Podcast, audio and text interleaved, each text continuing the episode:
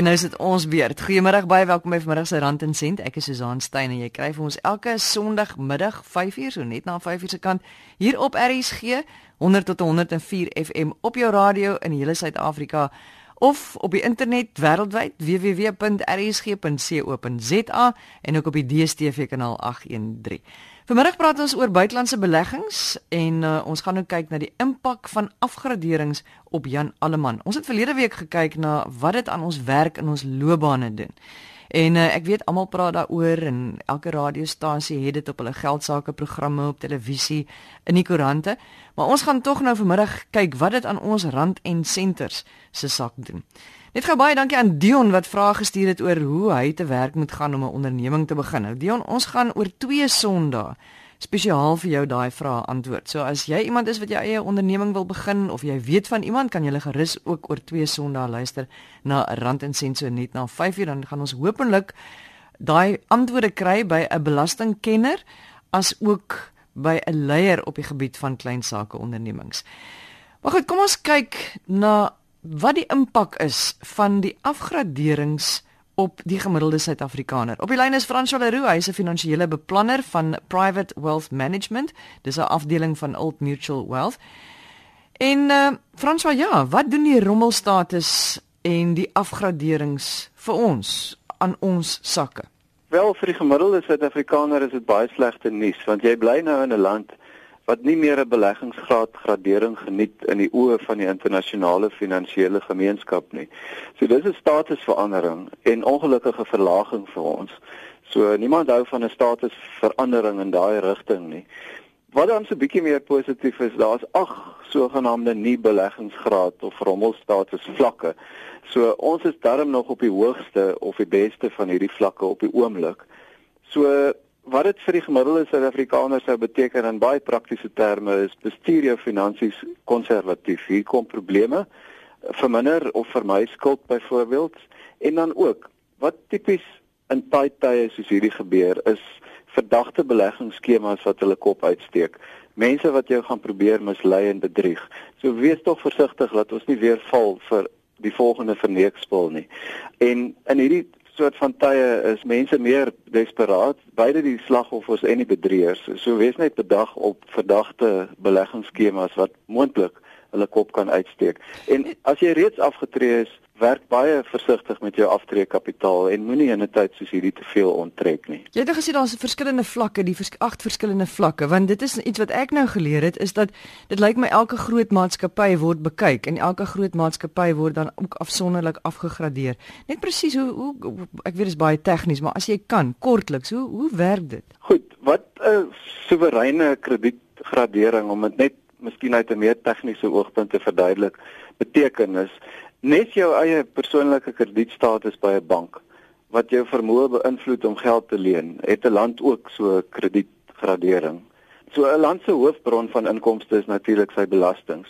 As daai belastings nie genoeg is om die land se uitgawes te dek nie, dan reik die staat 'n staatseffek uit aan beleggers wat bereid is om hulle geld uit te leen aan die staat onder sekere voorwaardes. En daai beleggers wil graag weet of die betrokke land in hierdie geval Suid-Afrika sy skuldverpligtinge teenoor hulle sal kan nakom.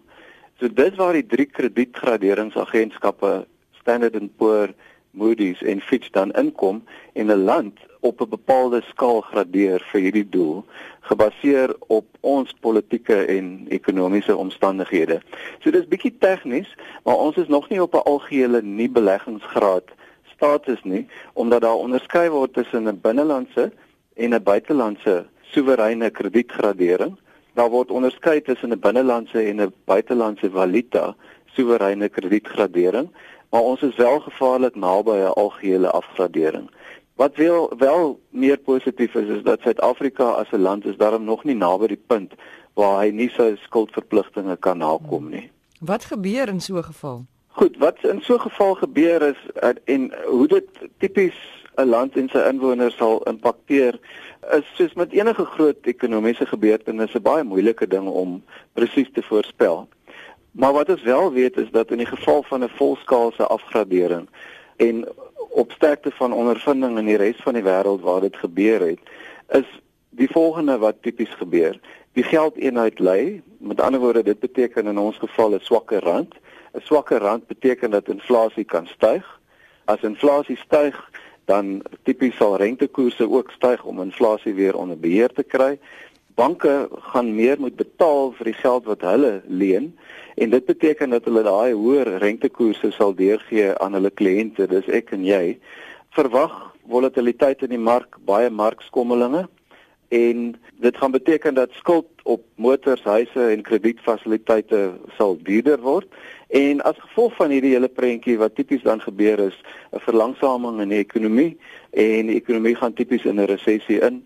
Ons ekonomie is natuurlik klaar in 'n resessie in. Jy het nou reeds 'n paar goed genoem. Ons moet nie skuld maak nie. Ons moet mooi kyk na ons geld maar wat presies gaan die impak op ons wees behalwe dat ons nou minder gaan kan spandeer of uitgee of bestee en dat ons baie duurder gaan betaal vir geld wat ons leen.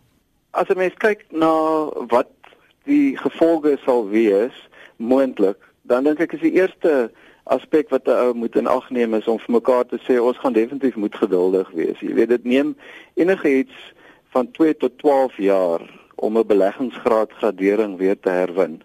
So ons volgende hekkie wat ons moet kry is einde 2017 wanneer hierdie drie krediet graderingsagentskappe weer ons posisie gaan beoordeel. So in praktiese terme vir Suid-Afrikaners daar buite sou ek sê pas jou verwagtinge afwaarts aan oor opbrengste uit jou beleggingsportefeulje. Die mark is reeds onder druk en ongelukkig sit ons in 'n situasie waar ehm um, dit waarskynlik nie gaan verbeter in die voorsienbare toekoms nie. So baie belangrik, moet dan nie emosioneel reageer hieroor en irrasionele besigheidsbesluite neem nie. Die meeste beleggings is langtermyn van aard. So groeibates soos aandele en genoteerde eiendom keer altyd terug na hulle langtermyn gemiddelde opbrengs toe oor tyd. So dis baie beter om daaraan vas te hou en dit nie te verkoop nie. En baie belangrik, algemene reël altyd net nog meer belangrik nou is uit 'n beleggingsportefeulje oogpunt gediversifiseerde beleggingsportefeulje is 'n uh, 'n baie goeie keuse en nog meer so onder hierdie markomstandighede. Dit beteken belê in al die bateklasse, aandele, genoteerde eiendom, kontant en effekte binnelands sowel as buitelands en diversifiseer dit ook oor verskillende batebestuurders indien enigsins moontlik. So uit 'n beplanningsoogpunt, ons kan nie die markte beheer nie en ons het nie in elk geval nie direkte beheer oor hierdie soewereine kredietgradering situasie waarin ons sit nie. Maar dit wat ons wel kan beheer is die manier hoe ons ons geld sake bestuur. En ons het die vermoë om wel deeglike finansiële beplanning te doen en aan te hou doen. So moenie ophou beplan nie terwyl die mark nie saamspeel nie en ons 'n ongemaklike situasie in die oë staar weerhou dit ons nie om voort te gaan om goeie finansiële beplanning en daarmee saam goeie finansiële dissipline te handhaaf nie. Fransjo net 'n laaste punt. Gewoonlik wanneer ek gespanne is of gestres is oor iets en ek word die oggend wakker en ek dink ag daar's so baie om te doen en dit gaan 'n vreeslike dag wees, dan net vir 'n kort oomblikie dan bly ek net stil en dan dink ek okay, ek gaan punt 1, punt 2, punt 3. Dit gaan ek nou doen stap vir stap om dinge net maklik te maak. Wat moet ons nou doen want ek dink baie keer lees jy in die koerant of jy hoor 'n praatjie op radio en jy voel beswaard en jy braak beangs. Net gou-gou daai baie eenvoudige stap 1, stap 2, stap 3 wat jy vir elke luisteraar wil gee wat ons kan doen. Ek dink die die eerste beginpunt as jy oor jou finansies dink en wat jou definitief gaan laat rustiger slaap in die nag. Uh en dis ingebou in ons finansiële beplanningsprosesse. Stel 'n begroting op.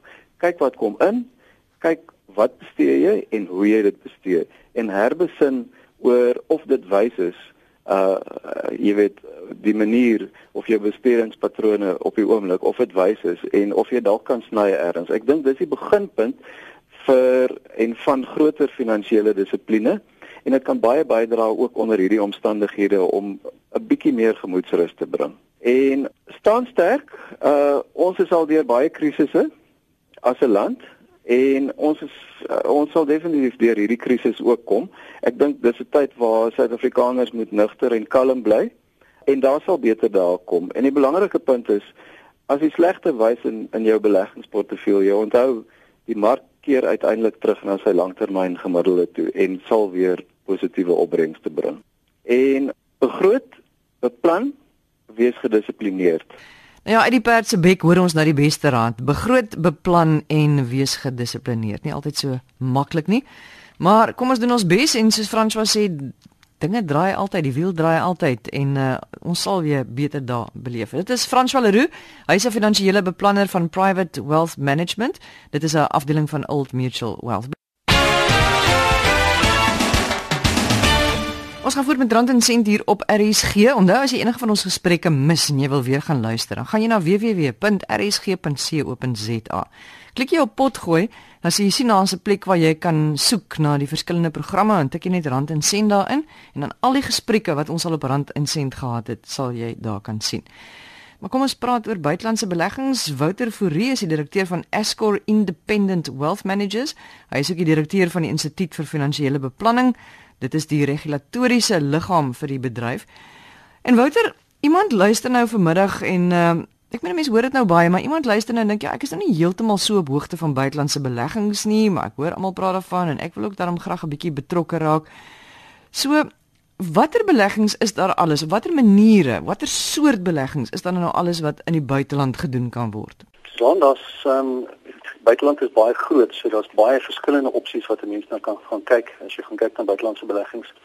Ek dink die belangrike ding is net om dit in konteks te bring en die prentjie raak te sien ehm um, hoe dit van toepassing is op 'n individu. Nou almal van ons wat bydraes maak tot jou pensioenfonds en jou uitreuniteitsfondse en voorsorgfondse het al reeds 'n mate van buitelandse belegging in daai fondse En huidige wetgewing in terme van regulasie 28 bepaal dat die fondsbestuurders binne kan pensioenfonde tot 25% buitelandse blootstelling kan hê in die portefeuilles. En ons kan sien meeste van die portefeuilles wat gebalanseerde portefeuilles is, is omtrent reeds al op 'n maksimum punt van 25%. So alhoewel jy ou nie dalk noodwendig direk in jou uh, gemoed is dat jy na buiteland is nie, as jy reeds onderliggend blootgestel aan buitelandse beleggings binnekant in jou pensioenfonde ensovoorts. En dan ook wat belangrik is is ons gaan kyk na die Suid-Afrikaanse mark, ons aandelebeurs, die top 40 aandele op ons aandelebeurs in terme van markkapitalisasie. Dis nou met ander woorde hoe groot die maatskappy is, so die top die 44 grootste maatskappye in Suid-Afrika. So inkomste word meeste van dit ook al reeds uit die buiteland uit verdien. So as ons 'n maatskappy soos BAT vat, British American Tobacco wat een van die top 5 maatskappye is, verdien hulle tot 90% van inkomste al reeds in die buiteland. So tot 'n mate het jy al reeds daai blootstelling direk deur die 25%, maar ook deur die top 40 aandele. Die meeste van ons blootstelling in die buiteland sit al reeds hier so omtrent by 30-40%. So dit is iets wat 'n mens net in konteks moet neem. Wat dan nou, hoe kan ek te werk gaan as ek dan nou nog geld in die buiteland wil belê of direk wil belê? Deur wie doen ek dit? Hoe doen ek dit? So dan daar's twee maniere om dit te kan doen. Ons praat van die eerste een is direkte buitelandse beleggings en dan is daar wat ons noem randverskansing. En soos ek reeds gesê het, randsoskansing is jy kan buitelandse blootstelling kry deur byvoorbeeld in 'n gebalanseerde fonds in Suid-Afrika te belê. So jy kry klaar daai randverskansing. En randverskansing beteken dat jy jouself verskans teen die volatiliteit van die rand. Met ander woorde, as jy verwag dat die rand gaan aanhou verswak, dan is dit baie goed om randverskansings aandele te koop. En dit gee ook vir beskerming tot 'n mate teen inflasie, want soos die rand verswak, sal inflasie ook verhoog en dit gee vir 'n bietjie koopkrag in jou geld. Dit is 'n manier om dit te doen. Die ander manier is om direk buiteland te gaan. Nou, as ons sê offshore uh, beleggings soos in Engels het van praat of buitelandse beleggings, daar 'n direkte manier om dit te doen en daar's 'n indirekte manier om dit te doen. Hoe werk die verskillende maniere? As jy nou byvoorbeeld direk belê en indirek. Ons kan begin met indirek. Indirek is waar jy deur 'n maatskappy in Suid-Afrika jou geld in die buiteland belê. Met ander woorde, jy koop 'n beleggingsfonds wat dan in fondse belê in die buiteland. Nou dit is baie maklik om te doen. Meeste van die die platforms en beleggingsmaatskappye het buitelandse fondse. So jy kan 'n debiet teken R500 per maand. Hulle plaas dit in 'n fonds en dan word daai fondse vir jou in die buiteland bestuur. So hier praat jy nou van maatskappye soos die PSG's en die Allan Gray's en so aan. Dis korrek. Dis korrek. Almal van hulle het um, buitelandse fondse en coronations en so voort. Almal bekende maatskappye wat reeds uit beursstelling het.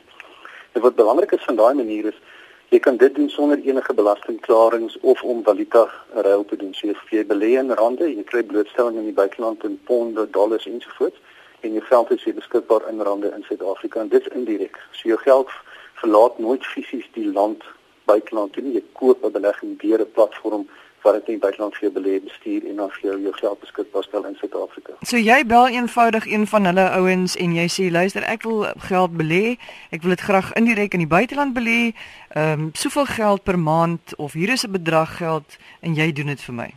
100%. Dit is so maklik soos dit. En dan die direkte manier? Die direkte manier is bietjie meer gekompliseer. Dit is waar ons verklaring moet kry by die by die ontvanger van inkomste belastingklaring moet kry.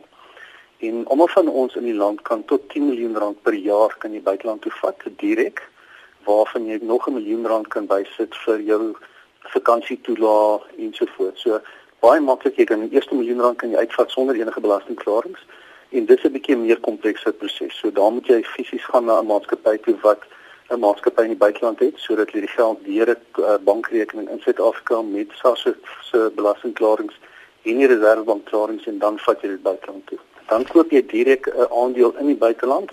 So jou rand word omgeskakel na 'n buitelandse geldeenheid toe, waar dan vir die aandeel in die buiteland koop in 'n buitelandse geldeenheid. Dit is meer kompleks, vat 'n bietjie meer langer as jou indirekte manier. En hier maak jy weer eens gebruik van 'n makelaar of iemand wat jou help? Dis korrek. So jy kan nie sommer gou-gou daar iewers in die buiteland reis en vir jou 'n lekker bankrekeningkie oopmaak en elke maand 'n geldjie daar insit nie, nê? Nee. Nie so maklik nie. In die verlede kon ons dit gedoen het, maar met nuwe wetgewing is dit baie moeiliker. Um, ons in Suid-Afrika is ook blootgestel aan FICA om seker te maak dat daar nie geldwasery plaasvind nie, want dit is ongelukkig ook 'n manier hoe mense geldwasery en geld versteek het in die buiteland. So daar's baie meer kontroles oor daai hele proses. Hoeveel geld het 'n mens nodig? Is dit is dit nou net iemand wat nou regtig groot geld het of kan enige iemand dit doen? Ek dink direk is dit meer dis, dis groter volumes geld wat nodig gaan wees. Meeste van die van die maatskappye ensovoorts praat van so 10000 rand plus wat jy nodig het om dit te kan doen. En daarna kan jy ook op 'n debietorder gaan, maar dan is die bedrag ook heelwat groter. En natuurlik jou kostes is ook meer want eh, as jy gaan op 'n direkte manier vergelyk met indirek, direk is daar ekstra kostes van dan moet valuta geruil word, so daar's 'n kooptransaksie wat betaal word, jy betaal kommissie op die ruil van die transaksie.